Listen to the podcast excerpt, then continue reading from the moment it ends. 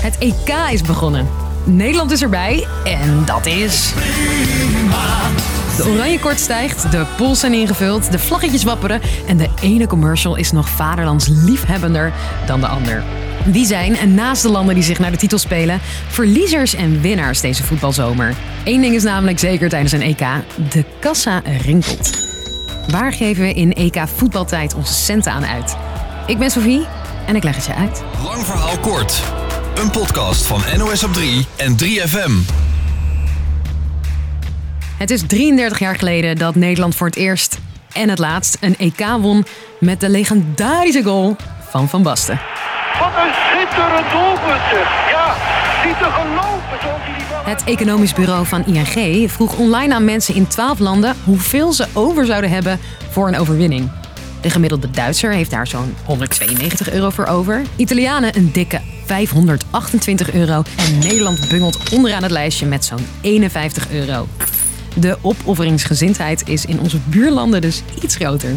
Goed, een EK-titel is niet te koop. Maar ons geld rolt alsnog tijdens grote voetbalwedstrijden. Deze keer zullen de uitgaven iets anders zijn dan bij vorige grote toernooien. Want net als bij zo'n beetje alles verandert corona ons uitgavenpatroon. Zo kijkt het leeuwendeel van de mensen thuis. Of beter gezegd, ze moeten wel. Je hoort minister Grapperhaus. Dus ik heb me er sterk voor gemaakt, en me er hard voor gemaakt dat de hele horeca open kan, maar dan wel met een paar strakke regels. Schermen neerzetten, of ze nou groot of klein zijn, dat is vragen om toeloop van het publiek. Moeten we niet doen. En als er samenscholingen dan komen, dan gaat er gehandhaafd worden. Dat maakt de horeca de grote verliezer van dit EK, zegt deze kroegbaas. Hey Johan, over hoeveel geld gaat dit als je, als je niet een scherm mag plaatsen? Hoeveel omzet loop je dan mis? Poeh, ja, dat gaat echt over 10.000 euro zo. We kunnen het goed gebruiken als horeca na zeven maanden lang eh, op onze handen moeten blijven zitten. Volgens deze horeca-ondernemer zou de drukte in de kroeg juist beter te reguleren zijn dan thuis. Uh, meneer Grapperhaus eh, die leeft helaas in een wereld dat hij denkt dat ze per twee op de bank thuis naar een voetbalwedstrijd zitten kijken. Ja, dat, dat is natuurlijk een utopie. Dus ik hoop dat ze erop terugkomen. Of dit echt kan, bespreken het Veiligheidsberaad en minister Grapperhaus op 14 juni nog een keer. Tot die tijd betekent dat dat behalve het stadion de huiskamer een belangrijke voetbalplek wordt komende weken. En daarom is een van de grote winnaars van het EK al bekend: de supermarkt. Deelname van Oranje pakt doorgaans goed uit voor de supermarkten. Als we meedoen, wordt in juni en juli 3% meer verkocht. Normaal is de extra omzet voor supermarkten zo'n 10 miljoen per wedstrijd, zegt ING.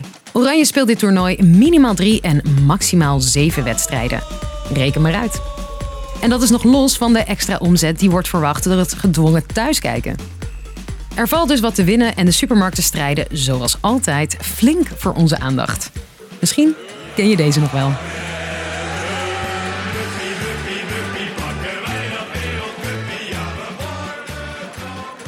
Ook dit jaar is er veel te sparen. Fanny packs, plaktatoeages, juichcapes, brulmondkapjes, sportbroekjes. Het kan niet op. Van oudsher zijn grote toernooien ook goud waard voor elektronicazaken. De oude tv wordt sneller dan normaal vervangen door een nog scherper, groter of strakker formaatje, zodra de voetbalkoorts oplaait. Toch lijkt die traditionele omzetpiek dit jaar uit te blijven. Want door corona zijn onze elektronica aankopen al flink gestegen. We hebben onze elektronica grotendeels al vervangen in 2020. En Winkeliers hebben vorige maand flink meer omzet gedraaid omdat ze weer volledig open mochten. Vooral elektronica en sportzaken profiteerden van de volledige heropening eind april. grote kans dat je dit EK dus op een ander toestel kijkt dan het WK van 2014. Toen keken we vooral in HD en nu kijkt bijna de helft in 4K. Ook zijn de beeldschermen een kwart groter dan bij het vorige toernooi. Toch hebben we afgelopen tijd weliswaar veel geld aan tv's uitgegeven. Op 4K het EK kijken gaat voor de meesten niet op. Niet alle tv-aanbieders geven het 4K-signaal door en bij degenen die het wel doen, heb je een decoder nodig of een upgrade naar een duurder abonnement. Kun je horen in onze tech-podcast. Ja, de standaard decoder die je hebt gekregen, tenminste eh, als je al een paar jaar daar eh, abonnee bent, dan is de kans klein dat je al een 4K eh, decoder hebt. Dan moet je die aanvragen en boven een bepaalde snelheidsgrens zitten met je internetverbinding. Als je dat nu bedenkt, dan ben je eigenlijk wel een beetje te laat, denk ik. Hè? Ah, dan kan je misschien nog kwartfinales in 4K bekijken. En dan, daar zit je straks voor je tv. Met Oranje Prularia. Het grootste gedeelte van de Nederlanders geeft er helemaal niks aan uit. Of heeft iets bij zijn boodschappen gekregen. Maar een klein groepje wel en die besteden samen zo'n 45 miljoen euro. Dat is een hele bubs, maar toch een heel stuk minder dan de 70 miljoen van het WK in Brazilië van 2014. Volgens een econoom van ING komt dat omdat we minder in de kroeg kijken. Maar wie weet, misschien besluit minister Grapperhaus dus nog wel dat we op pleinen of kroegen mogen kijken. Dus, lang verhaal kort. Het EK kent winnaars en verliezers, mede door waar wij onze centen aan uitgeven. Waar je geen cent aan uit hoeft te geven? Deze podcast. Elke werkdag gewoon gratis in je podcast-app. Dank voor het luisteren en tot de volgende.